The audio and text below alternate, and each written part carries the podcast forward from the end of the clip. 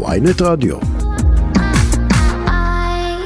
ועכשיו אנחנו רוצים לדבר על אחד הדברים שהכי מטרידים אותנו בחיים וזה השכר שלנו. אה, אז אנחנו רוצים קודם כל לומר שלום לעורכת הדין אה, אורי טורקיה שלס, אמרתי נכון? אמרת נכון. כן, אני, אני גאה בעצמי. אה, מומחית לדיני עבודה ויועצת לחקיקה הנוגעת לשוויון מגדרי. ש, וגם נציין שאת גם היוזמת והמנסחת של uh, תיקון 6 לחוק שכר שווה, שתכף נדבר עליו. Uh, נכון. בהקשר של מה שאנחנו הולכים לדבר. אז קודם כל, תראי, השבוע נכנס לתוקף חוק בארצות הברית, בניו יורק, שמחייב מעסיקים לפרסם טווח שכר לכל משרה פנויה שהם מפרסמים, שהמטרה שלו, המוצהרת, היא לצמצם את פערי השכר בין גברים לנשים וגם בין אוכלוסיות חזקות וחלשות יותר, זה גם משהו שקרה נכון. גם בקליפורניה, נכון? כן. אם אני לא טועה, לא מזמן? לא מזמן, כן. מה, מה, איך אנחנו מביאים את הדבר הזה לארץ? אה, קודם כל יש כל מיני דרכים אה, לצמצם אה, פערי שכר מגדריים. אני חושבת שהדרך הזו שמדינת ניו יורק בחרה בה היא דרך מצוינת.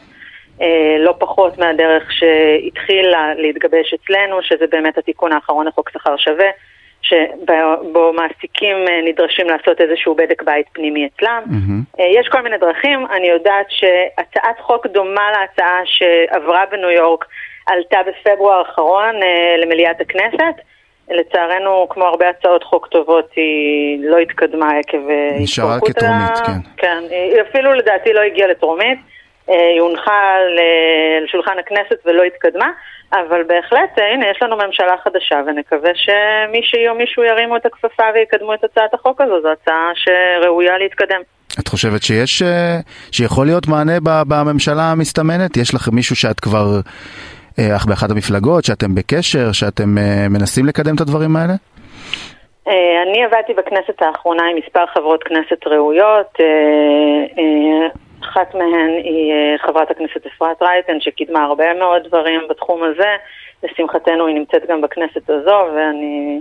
כן, הבעיה שאנחנו מדברים על הקואליציה, לא על הכנסת, זה, את יודעת, הקואליציה... אנחנו נחכה לראות מי הקואליציה, ואז נהיה חכמות יותר לגבי מי יכולה לקדם או יכול לקדם דברים, אבל הרבה פעמים אה, אני הופתעתי לטובה מחברות וחברי כנסת שדווקא לא ציפיתי אה, אה, לקדם איתם דברים ואני שמחה לגלות שיש הקשבה לנושאים מהסוג הזה. תראי, צריך להגיד שגם שבישראל אין חובה לפרסום טווח וגם במקרים רבים אפילו אסור לעובדים לגלות מה השכר שלהם. נכון. צריך לומר דרך אגב שזה איזשהו מנהג שבכלל הגיע אלינו מארצות הברית, אז uh, כשאנחנו רואות uh, ורואים את השינוי אצלם אז אני דווקא אופטימית, אבל בהחלט זה איזשהו נוהג שהגיע מהמנהגים של חוזים אישיים, שבו כל אדם מנהל את המשא ומתן מול המעסיק בעצמו, ואז יש גם איזושהי חובת סודיות. היום במדינת ישראל זה הופך להיות פחות ופחות נפוץ, וגם במדינות אחרות, כי אנחנו... רואים יותר ויותר איזושהי תנועה למקום של אה, שקיפות. תוכלי אבל באמת לספר מה בדיוק החוק הזה החדש בניו יורק אומר? זאת אומרת, מה, איזה, משהו שיש בו חורים, שצריך, אה, שיכול באמת לעזור, או ש... אם, אם תוכלי בכמה מילים באמת להגיד מה... מה בעצם הם רוצים לעשות שם? אה, וכטבעם של חוקים אני בטוחה שתמיד יהיה מי שימצא בו חורים, כעורכי דין לפעמים זה התפקיד שלנו, למצוא את החורים הללו. אבל uh, באופן כללי מסתמן שזה חוק uh, שמנוסח מצוין ויש לו, uh, יש לו בסיס להצלחה ולקידום של צמצום פערי שכר. החוק בעצם אומר שכל מעסיק שמעסיק מעל ארבעה עובדים, שלפחות אחד מהם עובד במדינת ניו יורק, מחויב בכל פרסום של משרה לפרסם את טווחי השכר, מה המינימום ומה המקסימום של השכר שיהיה למשרה הזו.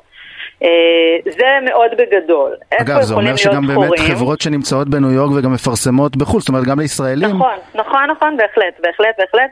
ודווקא בגלל הנקודה הזו שכאילו מספיק שיש עובד אחד בניו יורק, אני מניחה שאנחנו נראה מעגלים הרבה יותר רחבים שבהם החוק הזה ישפיע, ולא רק במדינה הזו, ולא רק בכלל בארצות הברית. אוקיי, ומה הטווח באמת שהם מדברים עליו? אז זהו, אז הם לא אמרו מה הטווח, וכבר אנחנו ראינו כל מיני פרסומים מצחיקים של בין 0 ל-2 מיליון אה, דולר למשרה, זה פרסמו סיטי גרופ ומיד חזרו בהם ואמרו לא, לא, זה הטעות של המחשב. אבל uh, אני מניחה שאנחנו נראה כל מיני ניסיונות התחמקות של טווחים מאוד מאוד משמעותיים. החוק מדבר על פרסום של טווח ב good faith, מה שאומר בעצם בישראל בתום לב, מתוך הבנה אמיתית של מה המינימום והמקסימום של החוק הזה. לשמחתנו בניו יורק יש לחוק הזה אכיפה, שזה משהו שאנחנו בישראל מאוד לוקים בו בחסר. אה, יש שם את מועצת זכויות האדם אה, של ניו יורק, שאמורה לאכוף את הדברים, יש קנסות, יש אפשרות דיווח בטופס מיוחד. זאת אומרת, אנחנו רוצים לקוות שנראה גם אכיפה של החוק הזה, שזה אה, חלק מאוד משמעותי ב... בצמצום של פערי שכר, כי לא מספיק שיהיה לנו חוק. עכשיו תגידי, אז בעצם בואו בוא נתחבר רגע לחוק שכן עבר פה בארץ, שאת באמת היית יוזמת שלו, שכרגע זה לא נראה שהאכיפה, גם מבחינת האכיפה וגם מבחינת היישום שלו, הרי זה לא, זה עוד לא, זה עוד לא שם, נכון? רק התחלנו. אה, נכון, אפשר להגיד בכנות, זה עדיין לא שם. החוק הזה עבר באוגוסט 20, אה, מבחינתי באופן אישי ממש בנס, בממשלה זמנית, בשיא הקורונה, אה, כשהרבה מאוד נושאים בוערים נוספים היו על השולחן, הוא עבר בנוסח לא מיטבי ומבחינתי גם לא סופי. ויש בו, אין ספק שיש בו עוד הרבה מקום לשיפור, כשהעיקר בעיניי הוא הנושא של הפיקוח עליו. והיכולת שלנו למדוד אותו ולראות מי באמת פרסם, מה הוא פרסם, מה קורה אצל המעסיקים הגדולים ואיך אפשר לעזור להם אה, לצמצם את פערי השכר. זה חסר בחוק, אני מאוד מקווה שיהיו לו עוד תיקונים ושיפורים ונלמד ממנו, לא, אבל אה, משהו בעיקר עשה בינתיים, משהו בעיקר עשה בינתיים, היה אתמול דוח של אה, נציבות שוויון הזדמנויות, שבעצם התלונות שהגיעו להם על פערי שכר מגדרים גדלו, כנראה בגלל נכון. הדיבור על החוק הזה קודם, אבל שוב, בדיוק כמו שאמרת, זה עניין שהתלונות עולות סבבה, אבל מה עושים איתם? איך, איך, איך, איך אה, מגיעים למצב שלא יהיו התלונות האלה? אז אני חושבת שלא רק התלונות עלו, זאת אומרת, א', זה נורא נורא חשוב שהמודעות גדלה גם בקרב העובדות והעובדים, וזה נהדר, ויש להם כלים משפטיים של תביעות אזרחיות, ופנייה למעסיק, ופנייה לשוויון, לנציבות שוויון הזדמנויות.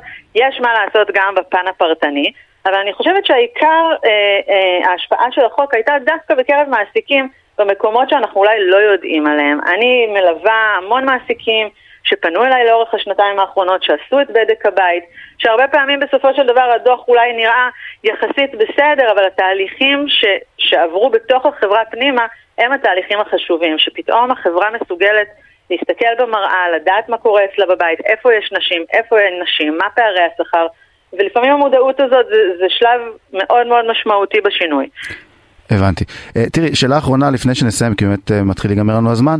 Uh, העניין הזה של באמת לפרסם את השכר הוא באמת מבורך והכל, זה לא יפגע אבל קצת בתחרות, בתחרותיות בין העובדים? לא יוכלו להבטיח שכר גבוה לעובדים מצטיינים? אה, יש בזה הרי השפעות גם על הדברים האלה מבחינת המעסיקים. אז זה באמת חשש מאוד גדול של מעסיקים, במיוחד כשאנחנו רגילים לשוק פרטי שאף אחד בו לא יודע כלום.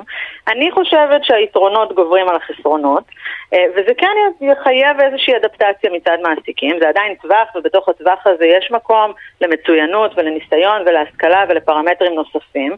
אני רק אוסיף ואגיד שהחוק הזה לא כולל אה, את כל סל הטבות השכר. Mm-hmm. של uh, ימי חופשה וביטוח רפואי ו- ובונוסים ודברים מהסוג הזה, ששם בהחלט יש עוד כן, מקום, כמובן. בוודאי שהם שווים כסף וכסף yeah. כן. רב, וזה גם לא מונע את האפשרות באמת לתת בונוסים על הצטיינות, ששם זה המקום לתגמל מצוינות. לא בשאלת המגדר, אני מקווה. נכון. אה, עורכת הדין אה, אורי טורקיה שלס, אמרתי שוב. פעם שנייה מצוין. מומחית לדיני עבודה ויועצת לחקיקה הנוגעת לשוויון מגדרי, אני מודה לך מאוד על השיחה הזאת. תודה רבה לך.